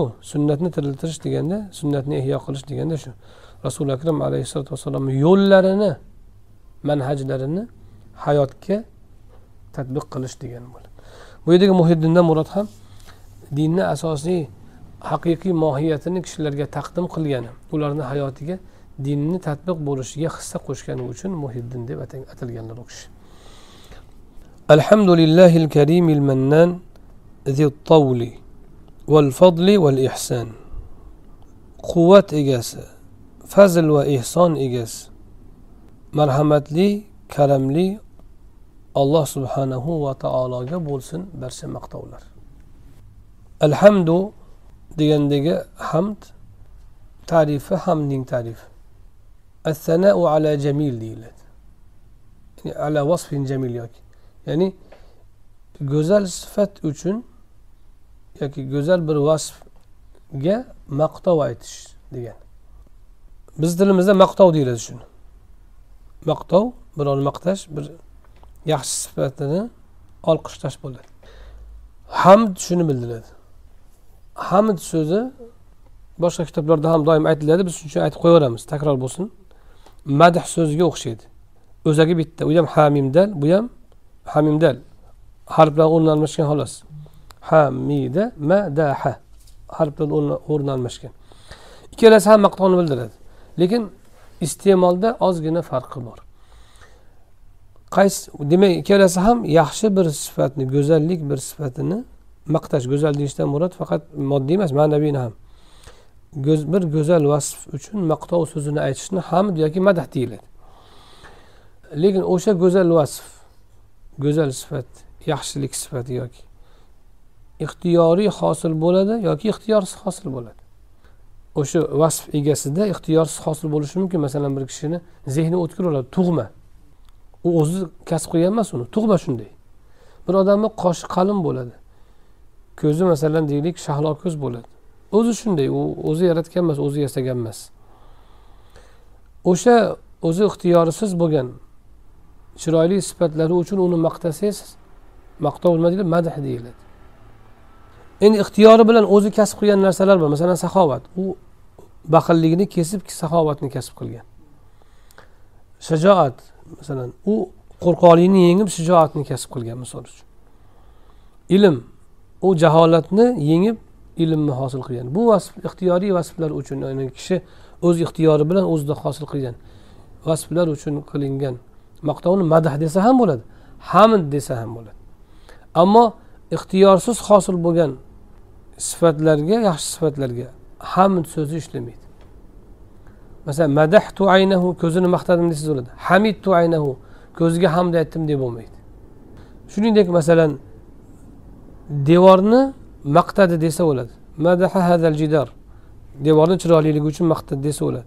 Chunki devordagi chiroylilik uni ixtiyorida emas ustaniki u. Lekin devorni maqtasa bo'ladi. Ammo bu devor go'zal ekan degan so'zingizni madah desa bo'ladi. Hamd deb bo'lmaydi. Chunki hamd o'z ixtiyori bilan hosil qilingan. Sifatlarga sifat egasiga aytilgan maqtovga hamd deyiladi. Alloh subhanahu va taoloning hamma sifatlari o'zida zotida azaldan mavjud ixtiyorisiz unga birov bir vasf qo'shgan emas.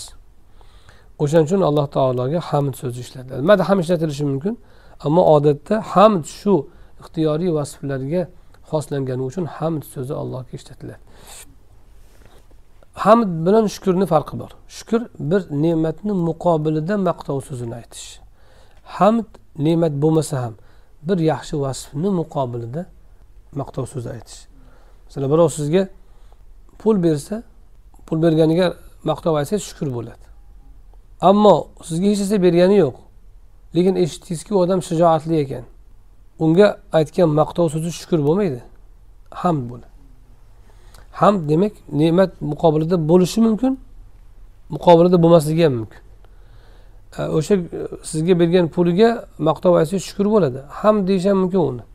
Yaxshi sifat uchun sizga yaxshilik qilyaptida u. Ammo lekin shukur ne'matni muqobilida hamd ne'matsiz ham bo'ladi. Ne'matni muqobilida ham bo'ladi ne'matni muqobili bo'lmasa ham hamd deyilaveradi maqtov so'zlariga. Ixtiyoriy vasflarga aytilgan maqtov so'zlarini hamd deb aytiladi. Alhamdudagi al ba'zilar istig'roq ba'zilar jins ba'zilar ahd lomi deydi. Shu qur'oni karimdagi al masalan al karim alhamdu annar degandagi alif lomlarni bir qancha ma'nosi bor. Bitta harf o'zi al. Lekin bir necha ma'noni ifodalash uchun ishlatiladi. Bittasi e, shu mana alhamdudagi istig'roq ma'nosi deganda nima deyiladi nima degani? Barcha maqtovlar degani barcha maqtovlar. Jins ma'nosida bo'lsa har bir maqtov maqtov zoti borki degani hamd zoti borki. Ahd bo'lsachi alloh taolo o'zi o'ziga aytgan maqtovlar degani bo'ladi. Alloh taolo o'zi o'ziga aytgan maqtovlarni e, hammasi o'ziga bo'lsin.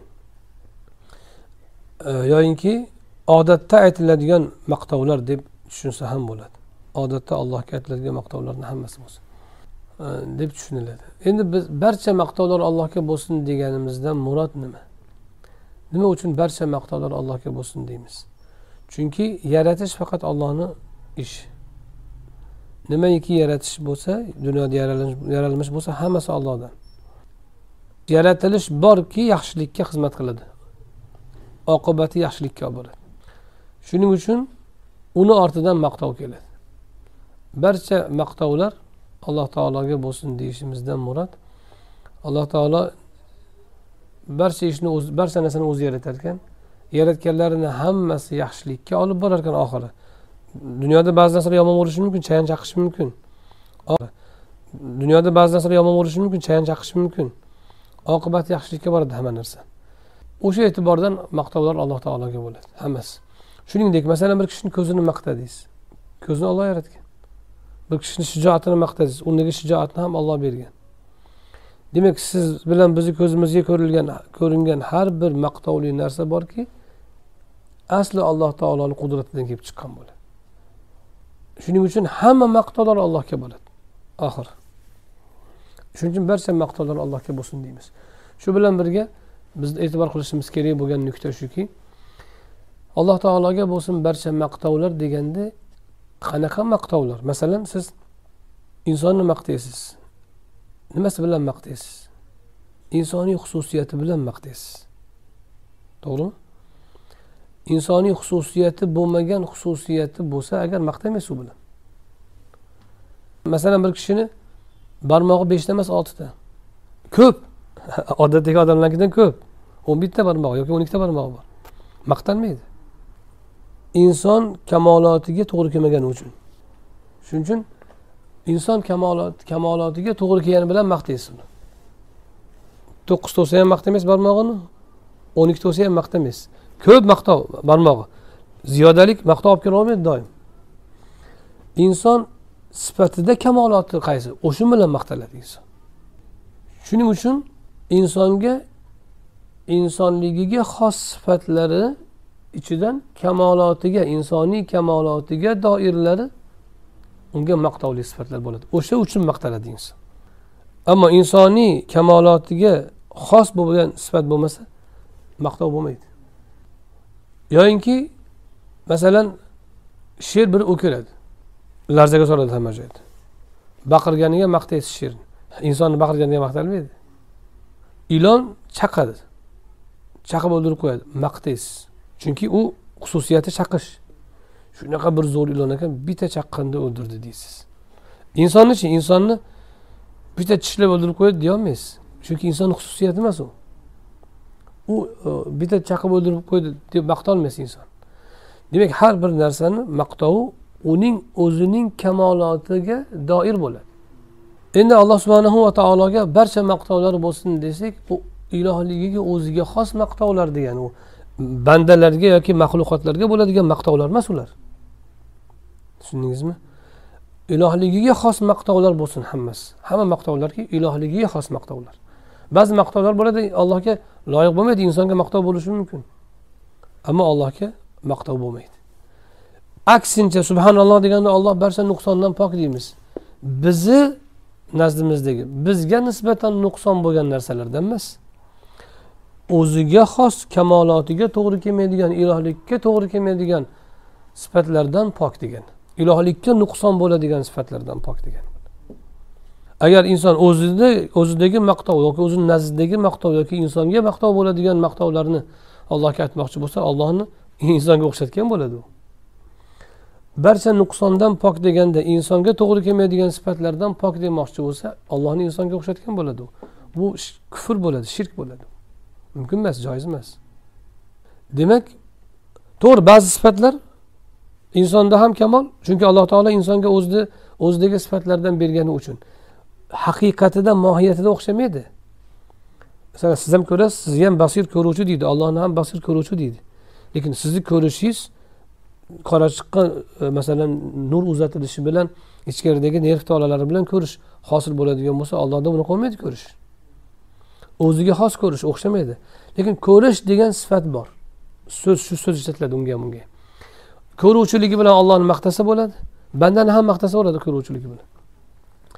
Lekin u hamma sifatda degani emas. Shuning uchun ba'zi buzuq aqidadagi kishilar mujassimalar mushabbihalarni aqidalarida hatto tahobiyni sharhida keltirgan ba'zilari man o'qiganman shuni. Nima deydi? Qaysi bir sifatki insonga kamol bo'lsa komillik bo'lsa insonga bir kamolot sifati bo'lsa o'sha sifatlarga olloh yana ham haqliroq hammasi ollohga sifat bo'ladi. Batariqa avlo deydi. Bu ayni mushabbihalik mujassimalikdan kelib chiqqan ya'ni ollohni insonga o'xshatishdan kelib chiqqan. Bu kufr bo'ladi. Shuni aqidaga kirgizib aqida ahli sunnani aqidasi deb o'qitadi haligi adashgan toifalar. Chunki u ollohni odam deb tasavvur qilib olgan bo'ladi. Shuning uchun nimaiki sifat bo'lsa insonda hammasi alloh taoloda bor batalika avlo olloh shunga haqli. Insonga nimaiki kamol bo'lsa deydi. U xato. Nimaga xato? Qur'onga zid. Birinchidan insonni allohga ollohni insonga o'xshatish bo'ladi bu. Olloh hech narsaga o'xshamaydi deb qo'ygan qur'oni karimda. O'sha o'xshatish aqlidan kelib chiqadi bu. Ikkinchidan bu qur'oni karimni sarohatan qoidasiga zid. Qur'oni karimda alloh taolo nima degan? Iso alayhissalomni ollohni o'g'li deganlari uchun ular kofir bo'ldi deyishgan. Farishtalarni ollohni qizi deganlar kofir bo'ldi degan. Holbuki farzandli bo'lish insonga kamol. O'z jinsida erkakka o'z jinsida kamol. Ayolga o'z jinsida kamol. Allohga nuqson bu farzandli bo'lish. Erkakka ayolli bo'lish qancha xotini ko'p bo'lsa shuncha kamol. Agar ularni yaxshi ta'minlayotgan bo'lsa. Allohga ayol bo'lishi nuqson. Sohibatan vala valada lam yattahid sohibatan vala valada alloh taoloda xotin bo'lmaydi. Yoinki farzand bo'lmaydi. Bu, bu, bu gapni aytgan odam dindan chiqadi kofir bo'ladi. Shirk keltirgan bo'ladi. Demak allohga kamol e, insonga kamol bo'lgan narsalarki bor allohga kamol bo'lmas ekanmi demak qoida buzuq qur'onga zid qoida bu. Shuni ahli sunnani aqidasi deb o'qitadigan toifalar hozir serob o'tyapti mana shu qoidani aytganidan bilavering u mushabbiha mujassima. O'zini ahli sunna desa ham. Shu qoidani kimki aytgan bo'lsa u mujassima mushabbiha ollohni odamga bandaga o'xshatadigan maxluqqa o'xshatadigan aqli shunday shakllangan buzuq toifa u. o'zini ahli sunna deb atashi mumkin. Aytaydi doim shunaqa deb. Davosi shunaqa. Shuning uchun barcha maqtovlar bo'lsin deganimizda alhamdulillah. Namozdan keyingi hamdimizda ham xuddi shu ma'nolarni biz qalbimizdan o'tkazishimiz kerak. Alhamdulillah degan paytimizda subhanalloh deganimizda ham alloh taolo barcha nuqsondan pok insonga nuqson bo'lgan nuqsonlardan emas ilohlikka loyiq bo'lmagan sifatlardan o'zining kamolotiga to'g'ri kelmagan nuqsonlardan kamolotiga zid bo'lgan sifatlardan hammasi nuqson bo'ladi alloh uchun. Masalan qur'oni karimda alloh taolo g'aniyun anil alamin degan. Olloh hamma narsadan behojat deganmi? Ehtiyojni taqozo qiladigan vasf allohga joiz emas nuqson bo'ladi. E, insonda ehtiyoj nuqson emas. Olloh antumul fuqaro sizlar muhtojsizlar degan. Nuqson emas. Allohga muhtojlik nuqson emas. Shunday yaratilgan u. lekin muhtojlik o'zgaga muhtojlik. Allohga nuqson shuning uchun subhanalloh deganimizda ham ana shu ma'noni tushunishimiz kerak. Allohu akbarda ham aytib qo'yayin bir yo'la namozdan keyingi zikrlar uchun. Olloh buyukdir deganda ham kattaroqdir degani emas. Mutlaq buyuk. Buyukligi qiyos qilinmaydigan buyuk. Shuning uchun akbar odatda akbar so'zi tafzilni bildiradi. Ya'ni kattaroq degani. Allohga qo'llanganda kattaroq degani emas u. Mutlaq katta qiyos qilinmaydi. Masalan siz eshik derazadan katta deysiz. Eshikni kattaligi derazani kichikligidan kelib chiqqan bo'ladi. Agar siz agar tomga qiyos qilsangiz eshik kichkina. Bir narsani biz katta deyayotgan paytda kichkinasiga qiyos qilib aytamiz. Eshik nima uchun katta? Deraza kichkina bo'lgani uchun katta. Bo'lmasa u katta deraza bo'lmasa katta katta deyolmasdik uni.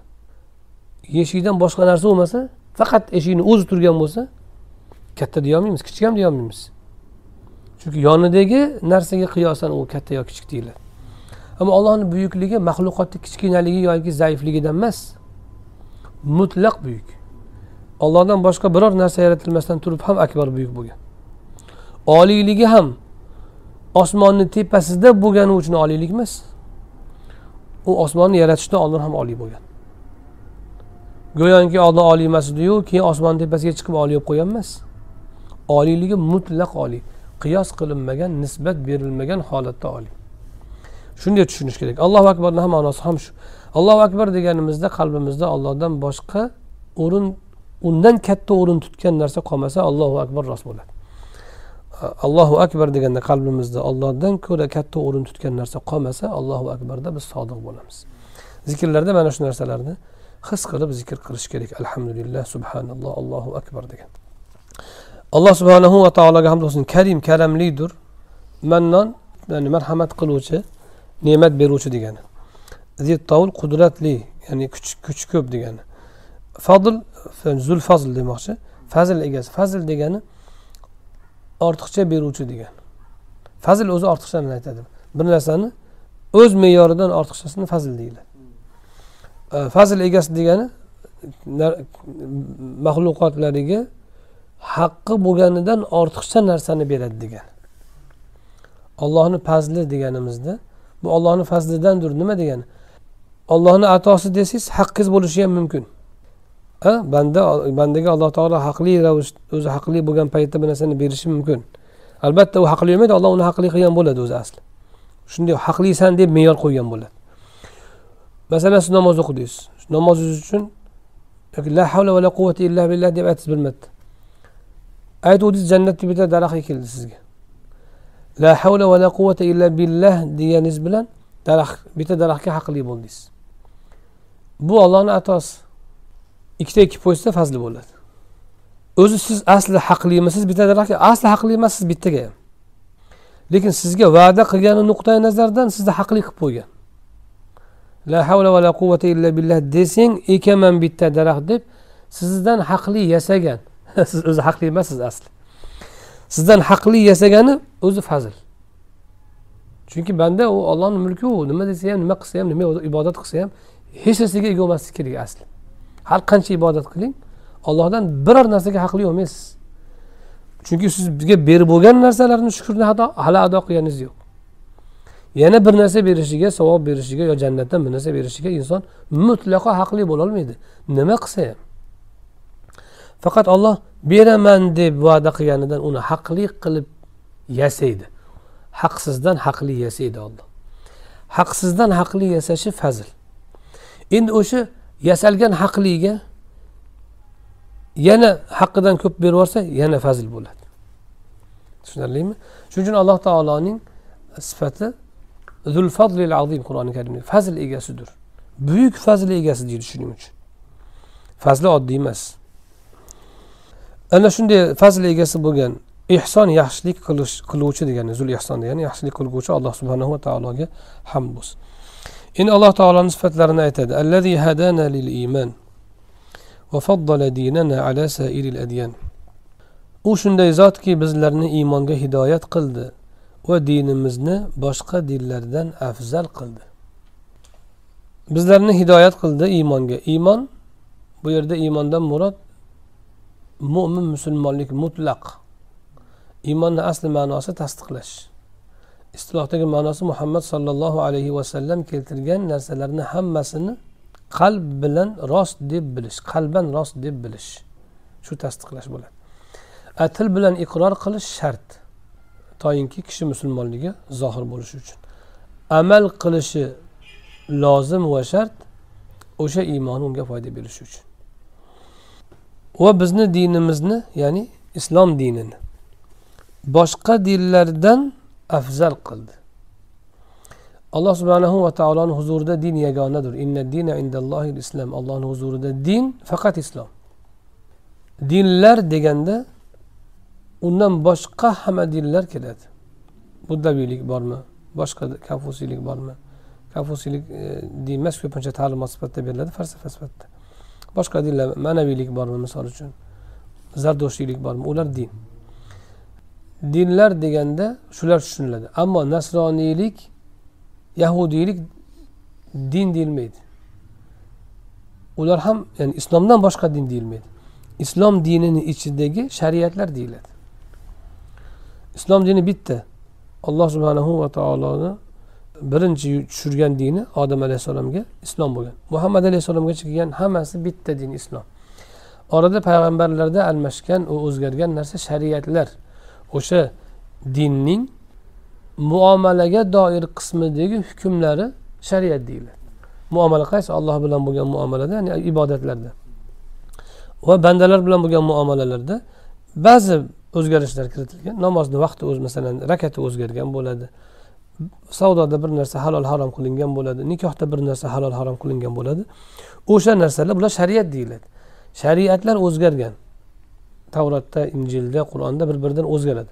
Ammo din hammasida bitta islom. Shuning uchun samoviy dinlar degan so'z noto'g'ri so'z bo'ladi. Samoviy dinlar bo'lmaydi. Samoviy din bo'ladi. Bitta din u islom.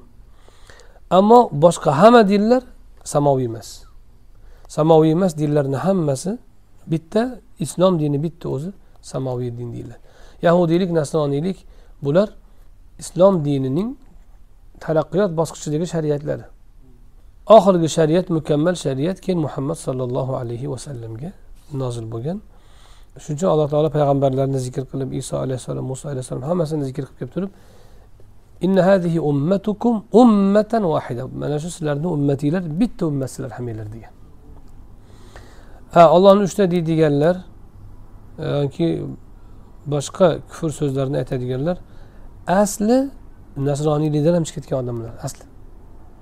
asli nasroniylikdan ham chiqib ketgan o'zini nasroniy degani uchun nasroniy deb qaraladi ammo asli nasroniylikdan chiqib ketgan bo'ladi shuning uchun dinlardan afzal qildi deganda islom dini bilan bizlarni islom dinini bizlarga berib shu dinni boshqa dinlardan afzal qilib qo'ydi deydilar ومن علينا بإرساله إلينا أكرم خلقه عليه وأفضلهم لديه bizga u shunday zotki bizni bizni iymonga hidoyat qildi Dedilar hidoyat ikki xil bo'ladi. Hidoyat o'zi yo'l ko'rsatish dalolat qilish degan ma'nosi bor. Hidoyat ikki xil bo'ladi.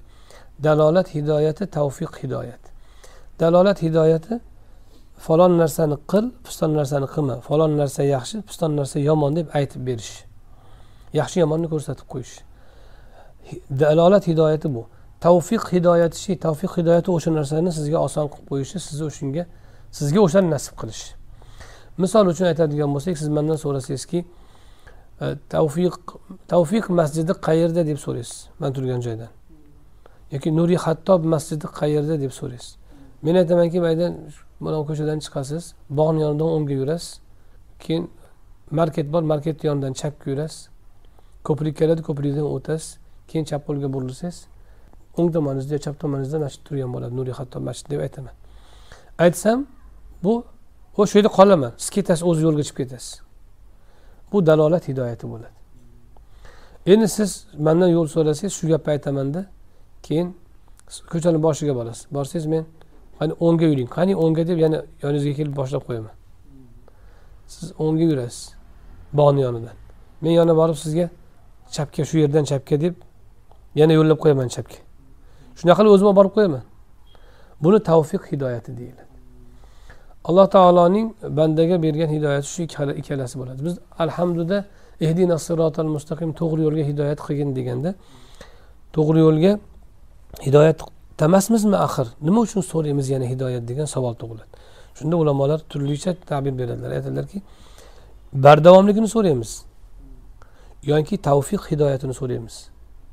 Tavfiq hidoyati bardavom bo'lishini. Ya'ni bizni yaxshi bizga yaxshi yomonni ko'rsatgani birinchi hidoyat dalolat hidoyati bor. Uni kimdir qabul qildi kimdir qilmadi. Biz alhamdulillah qabul qildikmi qabul qilganimiz tavfiq hidoyati bo'ladi. Endi boshqa amallarda ham hidoyat bo'lishi kerak endi. Kishi iymonda hidoyat topdimi? Aqidada hidoyat topish kerak. Aqidani tafsilotlarida hidoyat topish kerak. Namozda hidoyat topish kerak. Zakotda hidoyat topish kerak. Savdoda hidoyat topish kerak. Har bir amalida hidoyat topish kerak. Qaysi amalki alloh subhanahu va taoloni roziligiga to'la muvofiq bo'lsa u hidoyatda bo'ladi. Banda gohida namozda hidoyat topadi savdoda hidoyat topmasligi mumkin.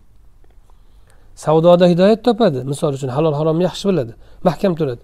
Ammo ibodatda ya'ni namozda yoki zikrda hidoyat topolmasligi mumkin qalbida zikr uyg'onmasligi mumkin. Har bir amalda hidoyat bor. Har bir amalki alloh taolo istagandek bo'lsa u hidoyati o'sha bo'ladi. Biz nima uchun namozda doim hidoyat so'raymiz? Har bir amalimizda hidoyatga muhtoj bo'lganimiz uchun va hidoyat topgan amalimizda ham sobit turish uchun tavfiq hidoyatiga muhtoj bo'lganimiz uchun hidoyat so'raymiz. Bu kishi bu yerda bizni iymonga hidoyat qildi deganda qaysini aytyaptilar tavfiq hidoyatini aytyapti. Chunki albatta dalolat hidoyatiga ham hamda aytiladi. Lekin bu kishi o'zini xoslayotgani musulmonlarni xoslayotgani tavfiq hidoyati bilan xoslayapti. U shunday zotki bizlarni iymonga hidoyat qildi.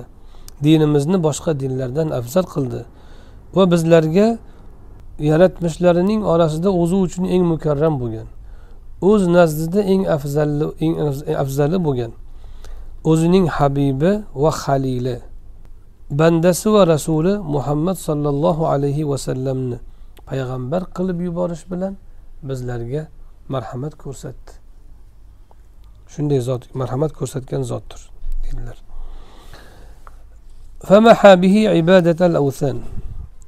Bu yerda akrama xalqihi o'zining yaratmishlarining eng mukarrami deganda inna akramakum indallohi atqokum degan olloh sizlarni orangizda allohga eng mukarramingiz eng taqvoligingizdir degan.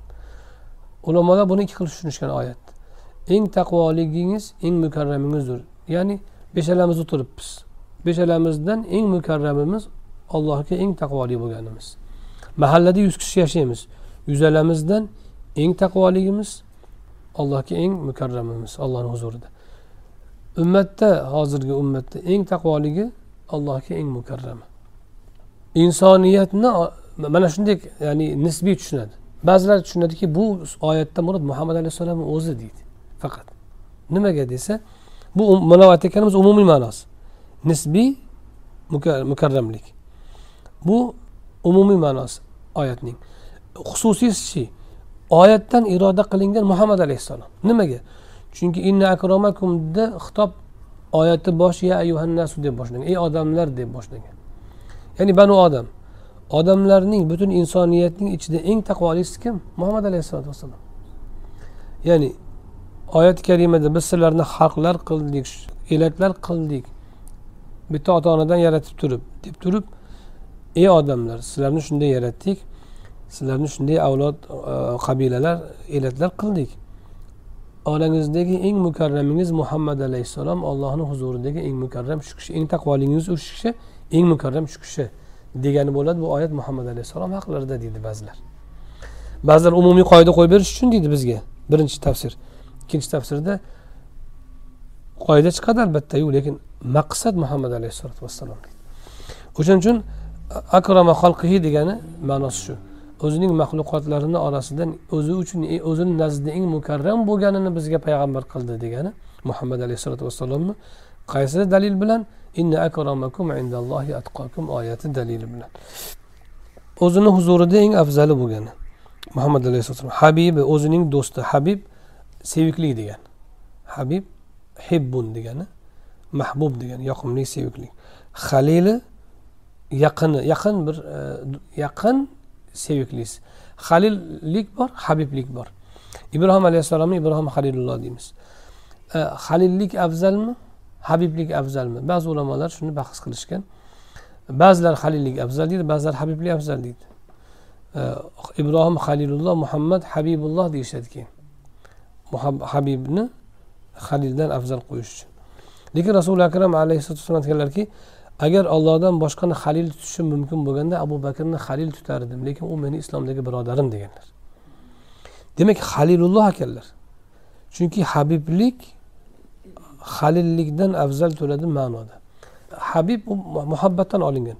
Muhabbat nima degani? Ahabba. Ahabba yuhibbu muhabba. Yoki habba. Yoki hubbun muhabbat. Nima degani desa moyil bo'lish degani lug'atda moyil bo'lish egilish. Shuning uchun biz o'zbek tilida ham sevmoq so'zi ilgarigi turkiy tilda egilish muyulish moyil bo'lishni bildirgan. Shuning uchun daraxt shamol esdi daraxt shoxlari sevdi desa shamol esdi daraxtni shoxlari egildi qiyshaydi degani bo'lgan arab tilida ham hub aslida moyil bo'lishni bildiradi qiyshayishni kishi bir kishini yaxshi ko'rsa qalbi unga moyil bo'lib unga talpinib unga egilgani uchun o'sha tuyg'uga muhabbat deb nom berilgan. Payg'ambarimiz alayhissalotu vassalomni mm, e, habibliklari ham o'sha ya'ni moyillikdan bo'ladi. Lekin alloh taoloni muhabbati bunday sifatlanmaydi. Allohni muhabbati bunday sifatlanmaydi. Habib degani yaxshi ko'ruvchi desa ham bo'ladi yaxshi ko'rilguvchi desa ham bo'ladi.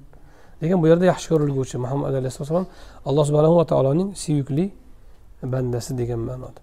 Endi bu muhabbat moyillik halillikchi halillik bir biriga kirishishni bildiradi bundoq. Bir biriga bundoq kirishni aytadi. Oraga bir narsa sig'maydigan darajada kirishishni aytiladi. Shuning uchun abu bakrni halil tutardim lekin ollohni halil tutdim deganlar ollohni halil tutdimi? Boshqani halil tutish mumkin emas. Kimiki ollohni halil tutsa boshqani halil tutishi mumkin emas. Ibrohim alayhissalomni ham halilulloh bo'lganlari shunda. Ya'ni siz masalan muhabbatda sherik bo'lishi mumkin. Siz men sizni ham yaxshi ko'raman siz ham menga habib men ham sizga habib. Sizni ham yaxshi ko'raman siz ham menga habib men ham sizga habib. Lekin halil bo'lsamchi bo'ldi. Uchinchi ikkinchi halil bo'lishi mumkin emas. Ikkita halilni o'rtasida halillik ikki kishini o'rtasida bo'ladi unga ham boshqa halil bo'lishi mumkin emas. Bunga ham boshqa halil bo'lishi mumkin emas. Shuni halillik deydi. Qoida shunday. Shuning uchun ibrohim alayhissalom ham allohdan boshqani do'st tutmaganlar qalbida boshqani o'rni olmagan shuning uchun u kishini halilulloh deyilgan va millati ibrohimdan murod shu. Muhammad alayhissalotu vassalom ham xuddi shunday bo'lganlar o'shaning uchun ikkala vasfni qo'shib aytyapti. Ham suyukli ham e, halil abduhu bandasidir bandasi bo'lgan rasuli bo'lgan. Bandaliklari muhammad alayhissalotu vassalomning bandaliklari hamma vasflarining eng yuqorisi hisoblanadi. Chunki bandalikni kamoliga yetkazganlar. Va alloh taolo shu sifat bilan sifatlagan u kishini. Shuning uchun tashahhudda ham abduhu va rasuluhu oldin bandaliklari keltiriladi. Bandaliklari risolat martabalaridan bandalik martabalari baland bo'lganlar. O'zlariga ham risolat maqomidan bandalik maqomi suyukli bo'lgan shuning uchun abduhuni oldin va rasuluhuni keyin keltirganlar. Abduhu va rasuluhu rasul bu elchi degani rasul e, risolat olib kelgan odatda nabiydan farq qiladi. Nabiy umumiyroq nabiy vahiy kelgan kishiki bo'lsa nabiy bo'ladi e, rasulda shariat bo'ladi va yetkazish buyurilgan bo'ladi. Shariatni yetkazish buyurilgan bo'ladi. Rasuli akram alayhisalotu vassalom ham nabiy bo'lganlar ham rasul bo'lganlar. Iqra surasi tushishi bilan nabiy bo'lganlar muddassirda qum fa anzir tushishi bilan rasul bo'lganlar deydi ulamolar. Muhammadan sollallohu alayhi vasallam muhammad sollallohu alayhi vasallamni bizga payg'ambar qilib yuborishi bilan bizga marhamat ko'rsatdi deydilar. Muhammad ismi doimiy maqtaluvchi degan hamddan olingan doimiy maqtaluvchi. Ahmad ismlari ham bor. Ikkalasi ham hamddan olingan. Ha, ahmad maqtovchi hamdni hamd aytuvchilarni mubolag'alisi ahmad. Hamd aytishning mubolag'a mubolag'a siyg'asi ahmad bo'ladi. Hamd aytuvchining mubolag'a siyg'asi. Maqtaluvchi hamd aytiluvchi maqtaluvchining mubolag'a siyg'asi muhammad bo'ladi. Mahmud maqtaluvchi degan maqtaladigan degani. Muhammad o'shani mubolag'asi doimiy maqtaladigan hamid maqtov aytuvchi hamd aytuvchi ahmad mubolag'a bilan hamd aytuvchi ya'ni ko'p hamd aytuvchi degan. Rasuli akram alayhissalotu vassalom demak ko'p eng ko'p hamd aytuvchi va eng ko'p maqtaluvchi degani ahmad va muhammad ismlarini ma'nosi. Muhammad ismlari muhammad alayhissalotu vassalomdan oldin ham u kishini zamonlarida ba'zi farzandlariga qo'yilgan. Chunki ahli kitoblar o'sha paytda yaqinda oxirgi payg'ambar keladi ismi muhammad bo'ladi deb aytishganlarini odamlar eshitib qurayshdan yana ba'zi qabilalardan ba'zilar ismlarini farzandlarini ismlarini qo'yishgan muhammad deb. Ibn hajar o'n beshta yoki o'n oltita sanaganlar o'sha muhammad deb ismi qo'yilgan kishilarni muhammad alayhissalom tug'ilgunlaricha. Hammasi ham ahli kitoblardan eshitib o'sha payg'ambar meni bolam bo'lib qolsa edi deb turib havas qilib qo'ygan odamlar bo'lgan. Lekin alloh taolo muhammad ibn abdulloh alayhissalotu vassalomni tanlagan. U kishi payg'ambar qilib oxir zamon payg'ambar qilib yuborilganlar. E, buguncha shu yergacha kifoyalanamiz. E, keyin muhammad alayhissalotu vassalomni sifatlarini aytadi. Keyingi darsda o'tamiz inshaalloh. Subhana robbika izzati